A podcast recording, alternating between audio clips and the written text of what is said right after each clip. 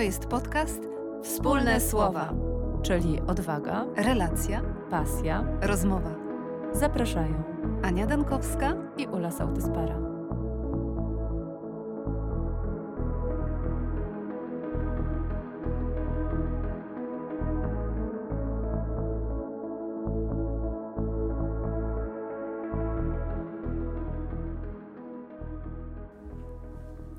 Witamy. Dzień dobry wszystkim. Dzień dobry, cześć dziewczyny. I witamy naszą gościnię Ewę Gorgoń. Dziękujemy Ewa, że jesteś z nami. Witaj Ewa. Dziękuję za zaproszenie. Jest to duża przyjemność być tutaj z Wami. Ewa jest nauczycielką jogi i medytacji. Prowadzi swoje studio w Piekarach Śląskich Ewa Lili Yoga Studio, ale też jest bardzo aktywna w przestrzeni wirtualnej. Możecie ją znaleźć na Instagramie gdzie prowadzi y, medytacje, mm gdzie w najbliższy piątek y, możecie o dziewiątej posłuchać też, jak opowiada o takim, w takim cyklu Esencje Jogi, o jodze właśnie, ale też na kanale YouTube znajdziecie około 30 filmów, praktyk jogi, medytacji, także zapraszamy już teraz. -hmm. Tak, w piątki o dziewiątej, z tego co rozumiem, jest to live, ale upewniłam się, można sobie odsłuchać później w wybranym terminie. Tak jest. Więc y, oczywiście wszystkie linki i namiary umieścimy w opisach, bo wiemy, że można by trudno tak zapamiętać od razu, y, ale serdecznie zapraszamy. Ale tworzysz też taką przestrzeń, y, hashtag dbam o siebie. Skąd ten pomysł? O, dziękuję za to pytanie, ponieważ to jest e, hasło, które przyświeca mi e, w ostatnich kilku latach, w zasadzie w trzech, kiedy mogę powiedzieć, że yoga i medytacja stały się moją codziennością i takim pełnowymiarowym etatem. I kiedy mm, chciałam coś dać od siebie innym osobom, to zastanawiałam się nad tym, jak to ugryźć, jakby czym się kierować tak naprawdę. I Pomyślałam wtedy, że to dbanie o siebie, czyli mm, znajdywanie czasu dla siebie na swój relaks, na zaglądanie do swojego wnętrza, na e, czas na regenerację, stał się dla mnie takim hasłem przewodnim. Dlatego nie tylko yoga i medytacja jako te globalne hasła, ale przede wszystkim to, co otrzymujemy, kiedy zaczynamy praktykować i wchodzimy na ścieżkę rozwoju osobistego. Mhm, rozwoju i zdrowia chyba także. Tak, zdecydowanie zdrowia, tego fizycznego, ale też mhm. zdrowia psychicznego, które myślę w obecnych e, czasach, które są bardzo intensywne, kiedy jesteśmy przebodźcowani, to myślę nawet, że to zdrowie psychiczne mm, jakby dominuje tutaj jako ta przestrzeń, o którą szczególnie powinniśmy mhm. właśnie zadbać. Wokół y, jogi i medytacji narosło wiele przekonań. Mhm. E, szczególnie myślę w ostatnich latach, popularyzując te metody pracy ze sobą, ze swoim ciałem, z umysłem, ze swoją przestrzenią serca. Dla części osób to będzie przecież praktyka też duchowa. Mhm. Myśląc o medytacji, faktycznie e, to, co zauważamy, prawda, to fakt, że medytacja może służyć do różnych e, celów. I właściwie czym medytacja jest dla Ciebie? Tak jak Aniu powiedziałaś, narosło wokół tego tematu wiele przekonań. Mm, myślę, że są to też schematy, które my powielamy, mm, patrząc tak troszeczkę do tyłu, też na miejsce, z którego się wywodzimy, z którego pochodzimy, gdzie dorastaliśmy. I ta otwartość w ogóle na praktykę umysłu nie jest jeszcze może tak duża, jakbym chciała, żeby była. E, natomiast te przekonania mm, czasem powodują, że jest to taki hamulec dla nas, żeby w ogóle zacząć. E, a tak naprawdę nie ma się czego bać, tylko po prostu zacząć. To jest jakby ten klucz, żeby spróbować i zobaczyć, czym ta medytacja jest, ponieważ to jest trudne pytanie, żeby odpowiedzieć, czym w ogóle jest medytacja, ponieważ definicji książkowych jest wiele i też ścieżek medytacyjnych też możemy znaleźć y, bardzo dużą ilość. Natomiast ja myślę, że medytacja jest przede wszystkim e, znajdowaniem czy poszukaniem ciszy w sobie. Takiej ciszy, która nam daje możliwość usłyszenia tego, co w nas na ten moment. To nie jest taka cisza, która ma spowodować, że nie mamy żadnych myśli w głowie, tylko to jest pretekst ku temu, żeby się zatrzymać e, i żeby pozwolić sobie na wsłuchanie się w swoje potrzeby, w swoje emocje, w uczucia, które nam towarzyszą, ale właśnie też, żeby poprzyglądać się tym napływającym myślom do naszej głowy. I bardziej myślę, że ta cisza mm, powoduje, ta, ten pretekst ciszy powoduje, że my możemy zauważyć, czy te myśli, które napływają, powodują, że jesteśmy w teraźniejszości, że one dotyczą tego, co w tym momencie konkretnym się w nas zadziewa, kiedy na przykład zasiadamy, bądź kiedy chodzimy medytując, może o tym później. Albo zauważamy, że jesteśmy na przykład bardzo osadzeni w przeszłości, że nasze myśli są zdominowane przez tak naprawdę doświadczenia i historie, które już się wydarzyły. I wtedy możemy sobie zobaczyć, że zakotwiczamy się w czymś, na co tak naprawdę już nie mamy wpływu, bo, bo to już było. I możemy z tej przeszłości oczywiście wyciągnąć wnioski, zobaczyć, co możemy zrobić lepiej na przyszłość, ale jakby nie zmienimy tego. I coś, co jeszcze obserwujemy sobie w medytacji, to czasami drugi biegun e, tej historii, czyli mocne e, łapanie tego, co przed nami. Czyli jakby życie w takich marzeniach albo w fantazjach, albo w jakichś celach do zrealizowania. To jest dość popularne. Że lubimy sobie wyznaczać kolejne, e, kolejne punkty, kolejne szczyty, do których chcemy dojść.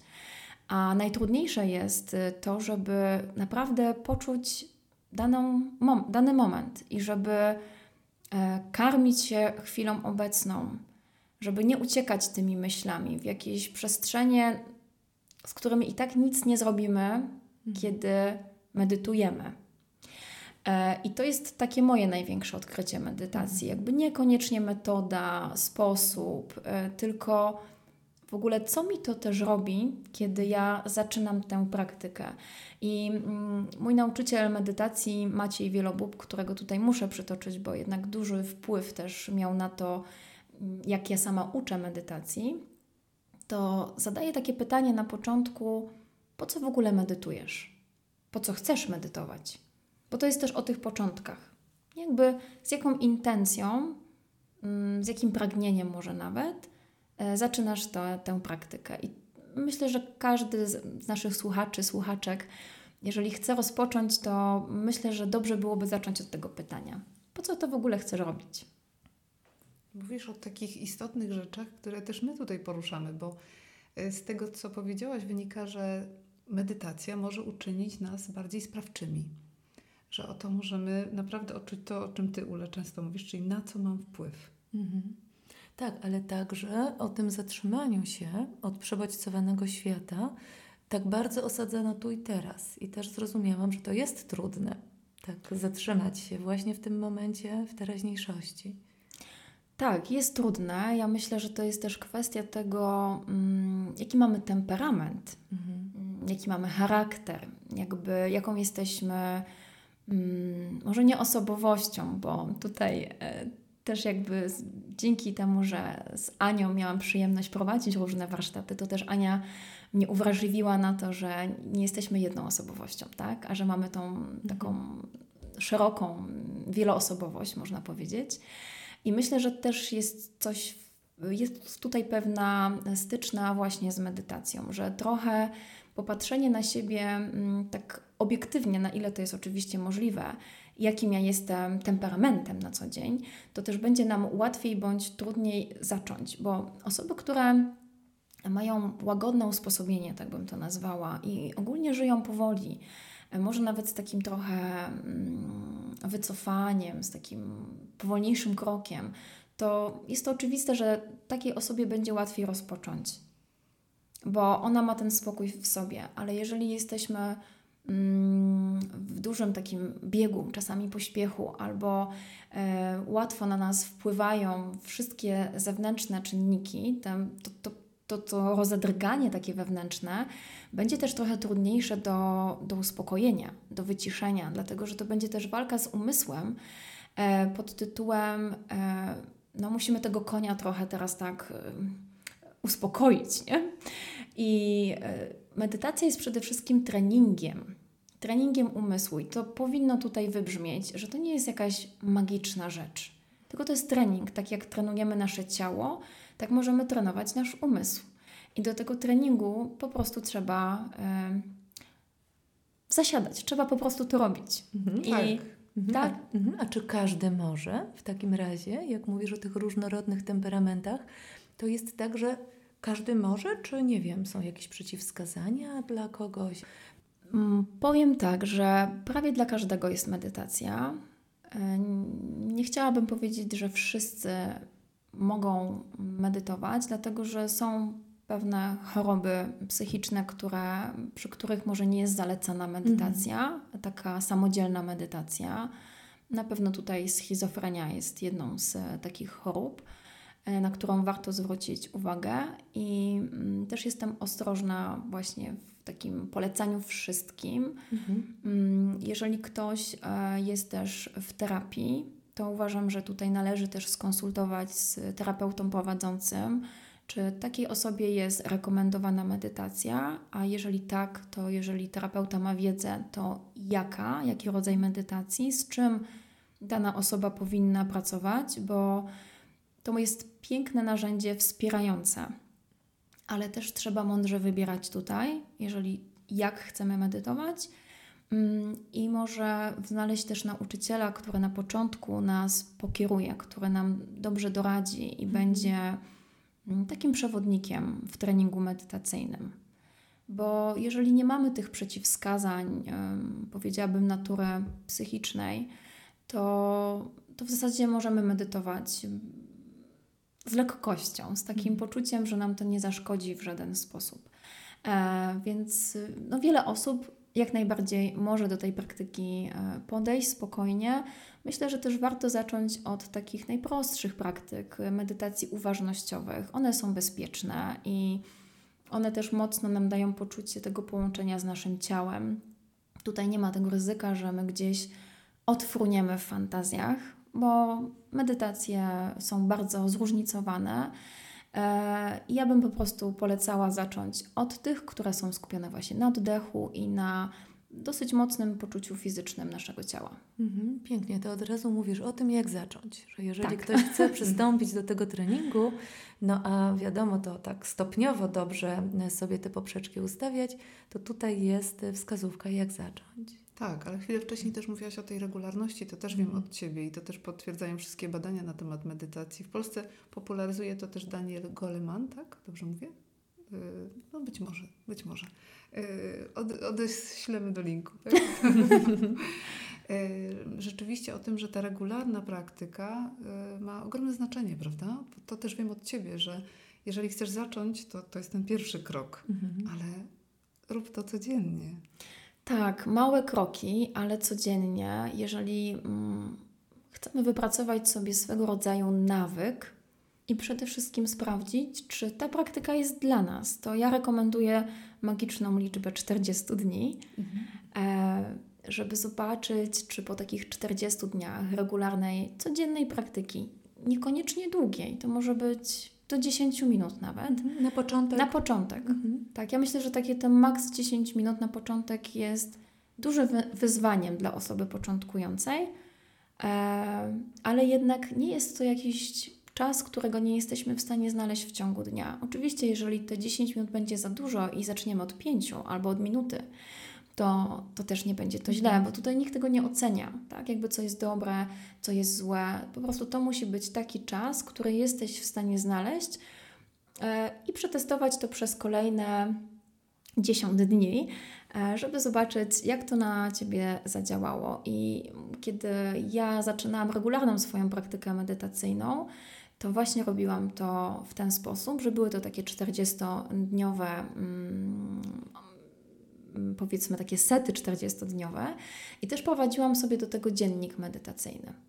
Mhm. I e, zapisywałam sobie, bo to też jest taka może wskazówka dla osób, które rozpoczynają, że to bardzo było wspierające dla mnie osobiście i też dla moich uczniów, którzy medytują i którzy podążają e, w tej praktyce, żeby prowadzić sobie taki krótki dziennik, jakby o której godzinie na przykład zasiadamy Możemy też sobie napisać czas, ile medytujemy i takie krótkie podsumowanie po. Jedno zdanie, pięć zdań, czasami jest to więcej, e, żeby sobie zapisać, co czuliśmy w czasie tej praktyki, albo co się pojawiło, albo czy nas coś zaniepokoiło. Tutaj też y, w moich praktykach medytacyjnych zauważyłam, że często w czasie medytacji nagle coś mi takiego wyjątkowego wpada do głowy. Mimo tego, że tego nie wymuszam w żaden sposób, ani nie zapraszam, to czasem pojawia się taka złota myśl mm, albo pomysł. I też to zapisuję. I wiele tych rzeczy, które zrealizowałam w, w swojej mhm. przestrzeni, dbam o siebie, pojawiło się właśnie w czasie praktyki medytacji. Mhm. Więc uwalnia nas to po prostu, mhm. to zatrzymanie i to bycie też w oddechu, w takim czuciu siebie, e, w takim mm, uwrażliwieniu wszystkich swoich zmysłów na odbiór, to wtedy możemy też usłyszeć coś, co gdzieś tam czeka w poczekalni i co chce się pojawić. I to może też będzie jakaś zachęta dla naszych słuchaczy, żeby e, zobaczyli, czy otwieracie się na coś nowego w czasie mhm. medytacji. Tak, i tak y, mówisz o tym czasie, prawda? Bo wielu, y, wiele osób mówi, że no tak, ciężko znaleźć ten czas. Mhm. Chciałam coś powiedzieć, mhm. bo Aha. spotykamy się przed zmianą czasu akurat. Tak, dokładnie. Przed zmianą czasu, no. ten zimowy. Tak. Wszyscy zyskujemy godzinę. Wszyscy, no właśnie. No właśnie, no właśnie. Ale mm, ty mówisz o tych kreatywnych pomysłach, a mi się przypomniało, y, jak Yuval Noah Harari, taki filozof i pisarz, autor trzech ogromnych, monumentalnych książek. W jednej z nich właśnie, yy, chyba 21 pytań na XXI wiek, pisze o tym, jak wiele on zawdzięcza medytacji. Że te mhm. wielkie księgi, które można by pomyśleć, kiedy on ma czas to pisać, no to jeszcze, tylko on to taki, wydaje mi się, mistrz medytacji, bo że dwie godziny dziennie medytuje, mhm. a jeszcze oprócz tego w ciągu roku ma jakiś taki okres, nie chcę już pomylić, ale dwóch, trzech tygodni mhm. takiego w ogóle odcięcia się, on to nazywa rekolekcjami medytacyjnymi, tak. że w, w ciszy. No i, i, i on to właśnie włączy z tą kreatywnością również. Mhm. Nie? Więc to, to tak trochę pokazuje, że no, nie tracimy czasu absolutnie na medytację, tylko wręcz przeciwnie. Zyskujemy ten zyskujemy, czas. Zyskujemy, prawda? Rozwijamy siebie, poszerzamy jakby swoje wewnętrzne obszary. To troszeczkę jakbyśmy rozciągali ten czas, bo mm, Daniel Pisko to jest również nauczyciel medytacji, z którym miałam okazję być na odosobnieniu medytacyjnym, takim kilkudniowym. To on również nam w czasie naszych praktyk zaproponował takie ćwiczenie już jako zadanie domowe, że kiedy będziemy sobie wmawiali, że nie mamy czasu, żeby zasiąść do medytacji, to że mamy to zrobić w najmniej wygodnym momencie dnia, Czyli jeżeli mamy taki dzień, w którym w zasadzie wydaje nam się, że mamy tyle pracy, że już nic więcej nie zmieścimy, to on mówi w takim najbardziej intensywnym momencie: zatrzymaj się i usiądź na chwilę i zacznij medytować. No, wydawało nam się to absurdalnym pomysłem, że jak, kiedy jest tyle do zrobienia, ale on mówi: zobaczysz, że kiedy się zatrzymasz i dasz sobie kilka minut, to zyskasz dużo więcej tego czasu. Mhm. Paradoksalnie. Paradoksalnie, tak bo to jest mhm. takie, medytacja to jest też takie porządkowanie trochę szafy. Mhm. Jakby sobie tam składamy te sweterki, spodnie, tak sobie układamy wszystko na swoje właściwe miejsce, bo kiedy mamy bałagan w szafie, to wydaje nam się, że już tam nic więcej nie zmieścimy. Ale kiedy sobie poukładamy wszystko, tak jak nasze myśli chociażby, to co mamy do zrobienia, kiedy to wszystko jakby znajdzie swoje właściwe miejsce w tej naszej szafie, jaką jest umysł, nagle się okazuje, że tego miejsca jest całkiem dużo. Mhm. I to mhm. jest to rozciąganie czasu, czyli porządkowanie.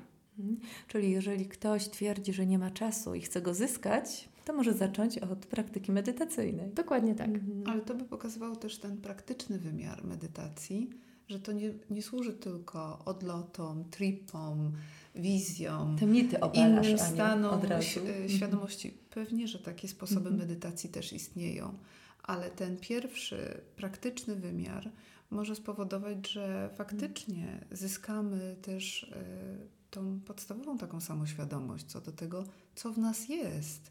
Dobrze to odbieram, prawda? Że tak. o tym mówisz, o poszerzaniu takiej własnej świadomości swoich emocji, odczuć w ciele, myśli, ich jakości, tego, czy one są bardziej w przeszłości, czy w przyszłości i tego, na co mam wpływ.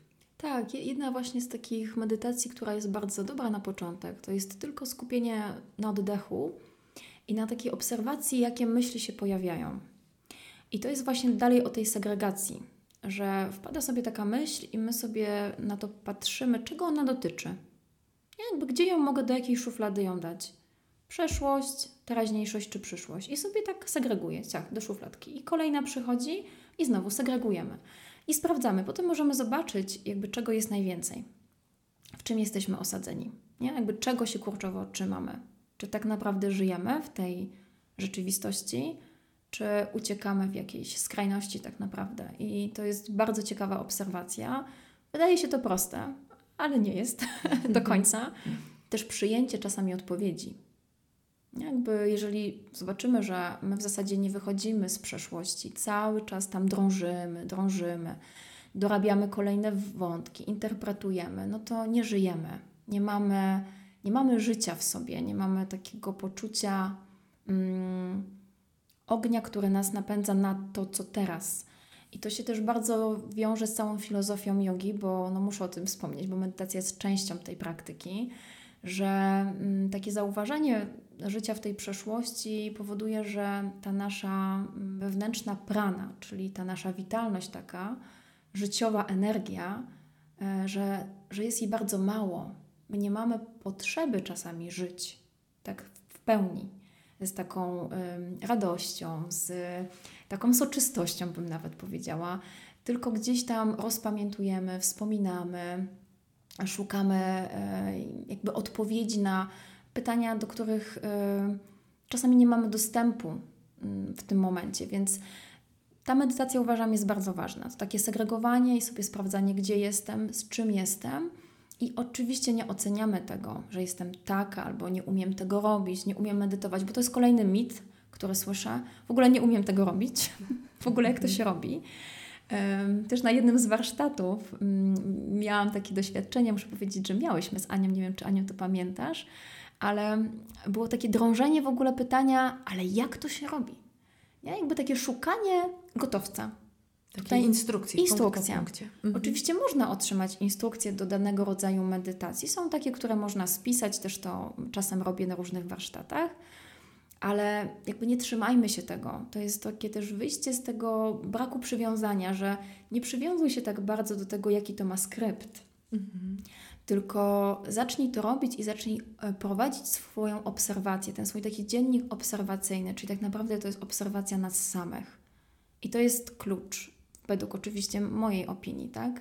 Żeby nie pytać się, jak to robić, tylko zacząć to robić. To jest tak jak z wszystkim. Jeżeli my tylko czytamy w książkach, oglądamy jakieś filmiki, ale nigdy tego nie próbujemy, no to ciężko nam się nawet wypowiedzieć A na może ten odwrotnie, temat. bo wtedy to jest ta perspektywa osoby, która ogląda teleturniej i się dziwi, że uczestnik nie zna odpowiedzi na to pytanie, nie? że czasami tak. mamy taką pewność, że wiemy czym to jest właśnie dlatego, że tego nie robiliśmy. Tak. A tymczasem to jest chyba coś, czego trzeba spróbować, bo ja pamiętam swoje pierwsze doświadczenia wiele lat temu to było coś takiego, co na pewno też miało ogromny wpływ na mnie, bo e, to zdaje się nazywał się e, ten kurs e, Wilderness Meditation, ale to, co zapamiętałam, to jak w nocy z przyjaciółką w namiocie bałyśmy się wyjść, bo tam były kojoty i oczywiście mieliśmy przekonanie, że na pewno te kojoty nas zaatakują. Więc bardzo pierwotne. A drugie doświadczenie, takie czysto medytacyjne, czyli pływanie w zimnej tafli wody w jeziorze mhm. górskim, wysoko położonym. I to uczucie, to, to uczucie też spokoju, o którym mówisz. I samo pływanie wydaje mi się wobec tego czynnością bardzo medytacyjną. E, i tak sobie też wyobrażam, że są różne formy medytacji mm. wobec tego. Tak, właśnie to też jest taki mit, o którym tutaj Ty, Ulu, pytałaś, jakie są te mity, że nam się wydaje, że medytacja to jest tylko taki siedzący mnich ze skrzyżowanymi nogami, najlepiej w pozycji lotosu, w bezruchu i wtedy medytujemy, że musimy mieć przestrzeń, idealną pozycję i takie bardzo elastyczne ciało, żeby się te wszystkie supły precle zawinąć, żeby usiąść. No i oczywiście nienaganna przestrzeń, czyli cisza, najlepiej nikogo w domu. No więc jakby już o tym nawet myśląc, to przecież tak ciężko jest znaleźć y, taki moment w życiu. Już zniechęca na początek. Tak, to w ogóle jest niemożliwe, nie? No przecież zawsze ktoś jest w domu, nie mam swojego miejsca, nie zawinę się w pozycji lotusu. To nie dla mnie. To w ogóle nie dla mnie, nie będę tak siedzieć bez ruchu, to jest bez sensu. I y, jest to też powiązane z tym, że nam jeszcze się wydaje, że właśnie mamy mieć ten brak myśli, czyli taki jakiś stan już pełnego oświecenia i po prostu nie mamy nic w umyśle. Oczywiście byłoby cudownie mieć takie poczucie, że żadne myśli nie napływają, nic nas nie absorbuje i tak dalej. Szczerze nigdy takiego stanu nie osiągnęłam i myślę, że to jest y, praktyka na całe życie, żeby podążać w tą stronę, żeby zmniejszyć ilość bodźców, która nas gdzieś tam drażni i dotyka, ale y, to nie musi tak być, bo oczywiście my możemy sobie siedzieć jeżeli ktoś lubi mieć rytuał jakiś, to fajnie sobie znaleźć jakiś kawałek miejsca w domu, takiej przestrzeni, w której będzie względnie cicho. Względnie, albo że możecie zamknąć drzwi. To może być sypialnia, to może być jakiś pokój, w którym jest trochę mniej e, uczestników naszego domostwa. Mm, ale też e, tak naprawdę to nie musi być tylko to ciche miejsce. Możemy usiąść na ławce w parku, możemy w ogóle usiąść też na krześle, po prostu z prostymi plecami. E, możecie gotować obiad i gotować go korzystając ze wszystkich zmysłów i będąc skupionym na, to, na tym, co robicie. I to też będzie forma medytacji. Możemy zapatrzeć się gdzieś tam w oknie i gdzieś zakotwiczyć swoje spojrzenie na jakimś drzewie, liściu, budynku i po prostu jakby nasycić się tym momentem. I to też są to takie momenty zatrzymania, takiego zatrzymuję się i jestem po prostu y, cała, cała dla siebie, całym swoim ciałem, umysłem, sercem. Właśnie to, co powiedziałaś, wydaje mi się bardzo ważne, bo mówiłyśmy w kontekście terapii i tego podejścia NARM o ucieleśnieniu. Mhm. Wiele osób opowiada o odcięciu w medytacji, czyli wchodzę w ten stan, odcinam się od wszystkiego. Przecież wiemy, że nie o to chodzi, żeby być odciętym, odgrodzonym. Mhm. Cała psychoterapia, medytacja, często różne praktyki, które mhm. służą zdrowieniu, zdrowiu jako takiemu, to jest szukanie połączeń. Tak, a nie odcięcia. A nie odcięcia, więc zauważajmy też to, jeżeli właśnie medytacja jest takim stanem uniesienia, odcinania się, odgradzania, tak, to też poszukajmy tego ucieleśnienia. Tak, znaczy wydaje mi się to nawet troszeczkę niebezpieczne w tym sensie, żeby właśnie nie szukać takich mm, odlotów w tej medytacji, jakby czy tripów, tak jak to Ania nazwałaś. To też jest coś, co często się pojawia w takim pytaniu, że y, jak to zrobić, żeby wejść w jakiś wyjątkowy stan. No, jeżeli ktoś jest wyjątkową osobą, to może będzie miał taki wyjątkowy stan, nie wiem. Ale to też nie o to chodzi, bo to nie jest jakaś, to nie jest roller coaster, nie? to nie jest jakieś wejście na Mount Everest, to jest bycie po prostu. Czy bycie jest jakimś wyjątkowym tripem? Może czasem tak, tak nie? Czasem tak, mamy jakiś odlot, tak. ale to się raczej nie zdarza tak Jak codziennie. Tryb, ja mam mhm. wtedy, kiedy mam tryb samolotowy. To są te momenty. To tak. są te momenty, no właśnie, ale z reguły nie mamy takich e, wyjątkowych e, stanów. Oczywiście, jak ktoś już też bardzo długo medytuje, to ja myślę, że może trzeba byłoby wyjaśnić, czym jest ten, ten trip, tak? ten taki odlot, jakby o co tutaj chodzi. Ja myślę, że może w moim poczuciu to jest takie mm, bardziej z podświadomości poczucie, że widzę trochę więcej, widzę troszkę szerzej, dostrzegam więcej niż zazwyczaj. E, I mogę się troszeczkę zanurzyć w, w ten swój umysł um, głębiej, czyli jakąś taką inną troszkę jakością. Ale to nie jest żaden stan wyjątkowego uniesienia, tylko właśnie szerszego spojrzenia, tak bym to nazwała. Natomiast też y, bardzo fajnym sposobem, tak schodząc na ziemię, bo ja uważam, że jednak to ciało jest też istotne, to medytacja, która jest ciekawa i jest też dobra dla osób, które są takie szybkie i lubią, jak się coś dzieje, to jest medytacja chodzona na początek. Mhm.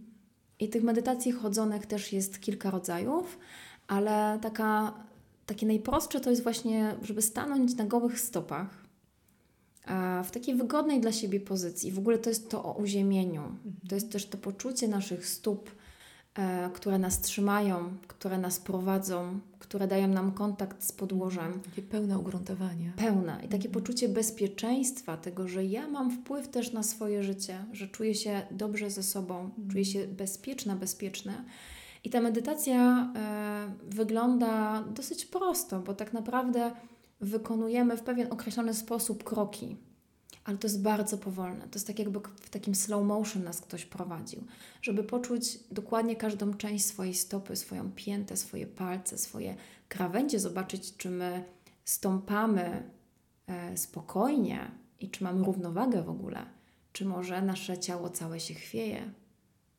Może nie tylko ciało. Nie? To jest taka obserwacja bardzo szeroka. I na ostatnim warsztacie kilkudniowym właśnie prowadziłam tą medytację i Wszystkim się wydawało, że ona w ogóle była bardzo szybka, a to trwało 40 minut. Mm. Czyli to było długo. Mm. Z całym oczywiście wprowadzeniem, ale to był długi czas, i, a uczestnicy po prostu to zrobili jakby trochę w takim swoim jakimś wyobrażeniu czasu. I to też jest ciekawe. I tu możemy mieć też poczucie tych zmysłów, które mamy wokół siebie. Właśnie na przykład temperaturę pod stopami, jakiejś wilgoci, jeżeli robimy to na trawie E, więc zobaczcie też, jak korzystamy z tego, co mamy dostępnego wokół nas temperatura, e, właśnie jakaś wilgoć, czy w ogóle poczucie fizyczne swojego ciała, od którego jesteśmy często odłączeni. I wyobrażam sobie, że taka wędrówka gdzieś w górach albo mhm. w lesie może sama z siebie przynieść nam stan medytacji. Tak. I warto by było chyba go po prostu rozpoznać, zauważyć. Tak, jestem w tym, mhm. bo to może nam też ułatwić tą drogę. Taka medytacja w ruchu, no nie? Ty mówiłaś tak. o medytacji podczas pływania w jeziorze. Teraz wspominasz o spacerze. Jest coś takiego, prawda? Jest. To są takie momenty właśnie zatrzymania. Dla mnie woda też jest bliska, bo jestem takim wodnym stworzeniem. I ja bardzo lubię po prostu się położyć, czy na, w morzu, czy w basenie, czy w jeziorze, nie ma to znaczenia, po prostu na plecach i mogę sobie zamknąć oczy i być w tym. I co jest też ciekawe, ponieważ uszy są w wodzie, jeżeli sobie w takiej pozycji poleżymy, to wyłączamy akurat jeden ten zmysł, czyli y, słuch. Czyli dla osób, które są bardzo przebodźcowane na co dzień i dźwięk jest dla nich kluczowy, dla mnie jest właśnie. I trochę wygłuszenie tego e, hałasu wokół mnie powoduje, że ja od razu dość szybko wchodzę w taki stan, który jest bardzo we mnie więc y, jeżeli ktoś jest właśnie wodną istotą i lubi pływać albo lubi być w wodzie, to może to być też super moment, żeby zacząć. Po prostu, żeby zobaczyć, czy ja mogę w tym momencie e, znaleźć to, to czucie tego momentu. Bo to nie musi być pozycja siedząca. Naprawdę. Świetnie, dobrze to wiedzieć, bo też mm, jak Ciebie teraz słuchałam, to sobie przypomniałam, że przecież o medytacji mówi się w kontekście też odpuszczania tak. Prawda? Że my się uczymy tego słynnego letting go. Mm-hmm. I że to takie położenie się na wodzie, takim zaufaniu, że ta woda mnie utrzyma, że to ciało nie zatonie, to jest też chyba jedna z lekcji odpuszczania. Tak, też takiego trochę mm, zauważenia, że możemy też komuś bądź czemuś zaufać. Też myślę, że to jest ważne, żeby wiedzieć, że no nie jesteśmy też tacy e, sami do końca ze sobą, tylko możemy też polegać na czy otoczeniu naszym, mm -hmm. które jest bezpieczne. Wiadomo, że woda może mieć różne skojarzenia, nie dla każdego to będzie taka bezpieczna przestrzeń. Dla mnie akurat jest bardzo bezpieczna, ale z racji tego, że jakby ja też trenowałam pływanie, jestem ratownikiem wodnym, więc jakby dla mnie to jest naturalna przestrzeń w ogóle woda ale te poczucie bezpieczeństwa i przestrzeni to może być nasz taki azyl w postaci naszego domu na przykład, czy jakiegoś miejsca, które sobie wykreujemy do pracy, że czujemy się w tej przestrzeni dobrze. I to jest też bardzo wspierające, tak mi się wydaje. Tak, żeby poczuć połączenie z chwilą bieżącą, która Cię też wspiera i w której możesz sobie zaufać na tyle, żeby dać sobie ten, te 5 minut kwadrans, mhm. na ten rodzaj wyciszenia, odpuszczenia, połączenia ze sobą. I to może się stać formą praktyki. Tak, może się stać. Czyli, żeby nie szukać tylko, że medytacja równa się siedzę i nic nie myślę, nic nie czuję, nie kontaktuję i oczekuję czegoś, bo mhm. tutaj nie, też nie można niczego oczekiwać. Jakby to pozwolenie sobie na, mm, na dotykanie tego, co przyjdzie, e, jest bardzo istotne, bo to nie powinna być praktyka, dzięki której my robimy coś, czyli zasiadamy tylko po to, żeby na przykład mieć te kreatywne pomysły, bo to już jest takie warunkowanie trochę e, tej praktyki. Jakby zasiadam bez oczekiwań, po prostu zasiadam i sprawdzam, co się dzieje, co przychodzi.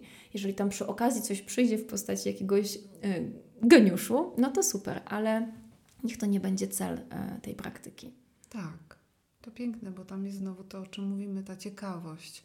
Ale mnie bardzo zaciekawiło, bo znam Cię, Ewo, z warsztatów. Miałam też ogromną przyjemność współprowadzenia warsztatów z Tobą, ale nie wiedziałam, że Ty jesteś ratownikiem wodnym. I teraz myślę o tym w kontekście tego pytania, które zadajemy często gościom, gościniom, o odwagę. Czym mhm. dla Ciebie jest odwaga? Czym dla mnie jest odwaga? Mm, ja od około 10 lat kieruję się taką filozofią, żeby sięgać po to, czego pragniemy. I dla mnie odwaga to jest zrealizowanie e, moich, mm, moich najskrytszych pragnień i marzeń, czyli wiąże to konkretnie z podejmowaniem decyzji u siebie. Czyli to sięganie to jest podejmuję decyzje, ale takie, które są w pełni zgodne ze mną, i nawet do tego stopnia, że ja osobiście ich nie konsultuję wtedy.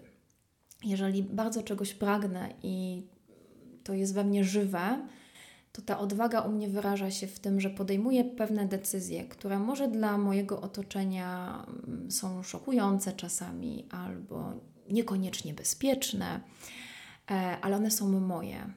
E, I to jest takie podążanie za tą swoją wewnętrzną prawdą, czyli kim ja jestem i jak chcę się realizować w tym życiu. I to podejmowanie decyzji jest moją odwagą. Podążanie za tym swoim głosem właśnie w decyzjach. Chwilę wcześniej mówiłaś też o tej, mm, tym życiu pełnią. Jest taki bardzo ceniony, znany y, również w Polsce nauczyciel i medytacji, i psycholog, i terapeuta Jack Cornfield. I on też pytał, czy kochałaś, czy kochałeś czy żyłaś, czy żyłeś pełnią życia i czy nauczyłeś się odpuszczać. Mm-hmm. Myślę, że jesteśmy takimi adaptami, że my się e, w jesteśmy swojego życia, tak, że my się tak, trochę czas. odpowiadamy swoim życiem na te mhm. pytania. Nie? Wciąż domagając się, żeby to właśnie inni nas kochali, żeby to inni dawali nam z siebie mm. tą pełnię, tak? tak? Żeby to inni nam odpuszczali, a przecież nie. To, to wszystko mamy w sobie, no. tak naprawdę, tylko właśnie to um, też medytacja mi tutaj dużo pomogła, żeby zobaczyć, że ja sama jestem w sobie wartością i że mam też coś do zaoferowania światu.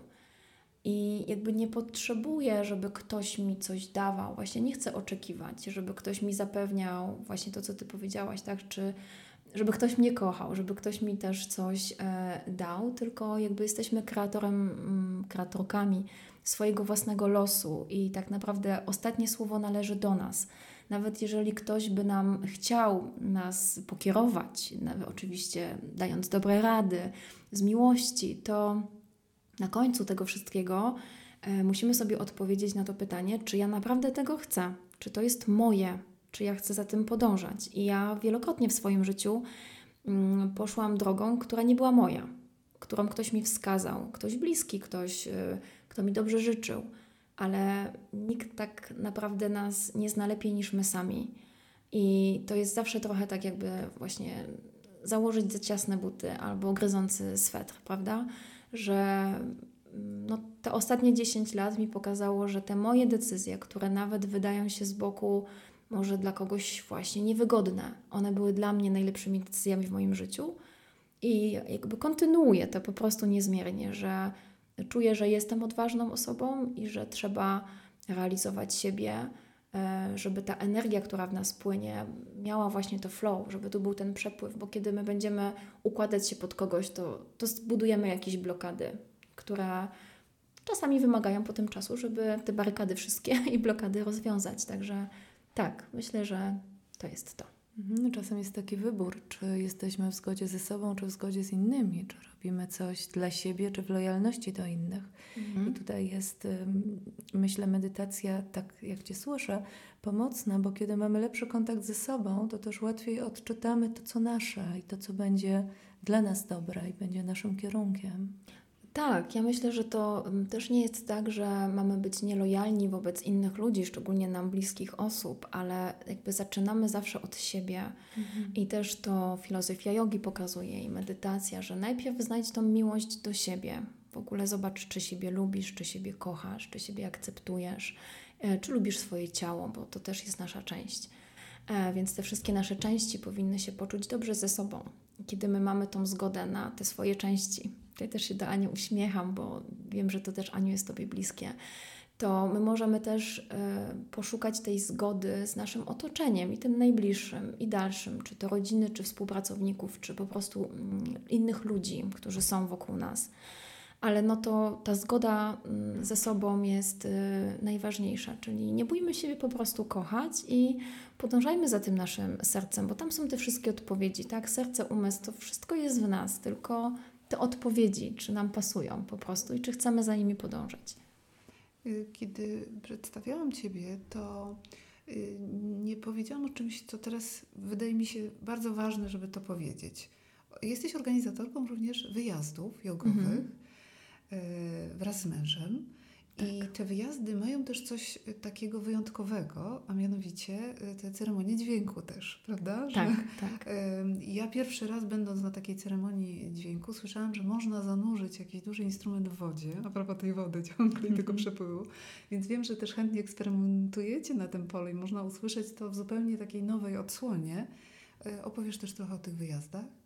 E, tak, z przyjemnością. E, tak jak e, wspomniałaś, Aniu, organizujemy wspólnie te wyjazdy. Jesteśmy już takim teamem stałym, czyli ja i mój mąż. Zawsze się wspieramy nawzajem i te nasze wyjazdy nie tylko są połączone z jogą, czyli z ćwiczeniami, asanami, bo to tak nam się najbardziej kojarzy, jak słyszymy wyjazd jogowy, ale mamy to połączenie właśnie też z praktykami medytacyjnymi ponieważ coraz chętniej i też szerzej prowadzę zajęcia, które właśnie uczą nas, jak medytować. Staram się być takim przewodnikiem w tym, bo wiadomo, że każdy i tak medytuje sam ze sobą, ale czasami ten nauczyciel jest e, dobrym wsparciem na początku. Natomiast e, mój mąż jest e, muzykiem, a od trzech lat też wspólnie prowadzimy ceremonię dźwięku, czyli taką dźwiękoterapię, można powiedzieć. E, która polega e, też na tym, że poprzez e, dźwięki, poprzez wibracje jesteśmy w stanie przede wszystkim szybciej się zrelaksować, ponieważ musimy mieć zrelaksowane ciało i troszkę zrelaksowany umysł, żeby zacząć medytować. Czy to też jest taki czynnik, który jest istotny. Poprzez dźwięki my wspieramy osoby, czyli łatwiej nam jest wejść w ten stan odprężenia ciała Nasze ciało jest też zbudowane z wody, tak? czyli znowu mówimy o tym przepływie e, i właśnie kiedy no, jesteśmy tą wodą, można powiedzieć, to te dźwięki lepiej się rozchodzą po naszym ciele. To już jest fizyka, tu już tego nie trzeba tłumaczyć, myślę. To jest po prostu naturalne, że te, te fale, te wibracje po prostu przenikają przez nasze ciało. I Przede wszystkim możemy się lepiej rozluźnić, po drugie łatwiej jest też nam wyłączyć ten umysł, czy wyłączyć, wyciszyć może umysł, który mm, czasami tak y, próbuje tam przeszkadzać. Ja sobie to nieraz tak wyobrażam i często możecie też zobaczyć w internecie, jaka jest wizualizacja umysłu w czasie medytacji. Że taki pierwszy etap to jest taka skacząca małpka i ona tak sobie skacze z gałęzi na gałąź, po prostu przeszkadza, tak? Czy to są te nasze myśli napływające? Więc my poprzez dźwięki tą małpkę trochę tak usadzamy na gałęzi. Ona tam jest nadal, może sobie delikatnie chodzi, ale już tak nie przeszkadza. I to jest duża rzecz, uważam. I jak też rozmawiam z uczestnikami wyjazdu, to to połączenie, że mamy praktykę jogi, czyli kontakt z ciałem, uwalnianie napięć z ciała, relaksacja, medytacja, mm, kontakt ze sobą daje nam takie kompleksowe zaopiekowanie nami po prostu i ciałem, i, i umysłem. Więc y, tak to wymyśliliśmy sobie, żeby dać jakby całość, a nie tylko jakby fragment tej e, praktyki. I, I tak czujemy, że nam to się dobrze sprawdza w odbiorze osób, które z nami jeżdżą. Mam nadzieję, że zachęciliśmy naszych słuchaczy i słuchaczki do odważnego kroku, jeżeli jeszcze go nie wykonali, nie wykonały, czy to w stronę praktyki jogi, czy praktyki medytacyjnej, No a może także do takiego wyjazdu, gdzie holistycznie i całościowo można się zatrzymać. Bardzo Ci dziękujemy, Ewa, za Dziękujemy. czas i rozmowę. Bardzo było miło Cię spotkać e, na żywo. Miałyśmy kiedyś próbę online'owego spotkania, ale nie udało się, więc tak jak mówiłyśmy przed nagraniem, widocznie tak miało być, a jednak kontaktu takiego na żywo nic nie zastąpi. Więc y, bardzo Ci dziękujemy, że przyjechałaś i zgodziłaś się porozmawiać. Bardzo dziękuję. Było przemiło z Wami, dziewczyny. Czas upłynął szybko i mam nadzieję, że ta rozmowa mm, przyczyni się do tego, żeby spróbować e, praktyki medytacji. E, Jeżeli potrzebujecie wsparcia, też możecie posłuchać czy odbyć takie praktyki ze mną właśnie na wspomnianym YouTubie albo na Instagramie, gdzie e, dzielę się e, różnymi sposobami, jak medytować e, i serdecznie zapraszam do tej praktyki. Dziękuję Wam pięknie. Dziękujemy. Do usłyszenia. Dziękujemy. Do usłyszenia.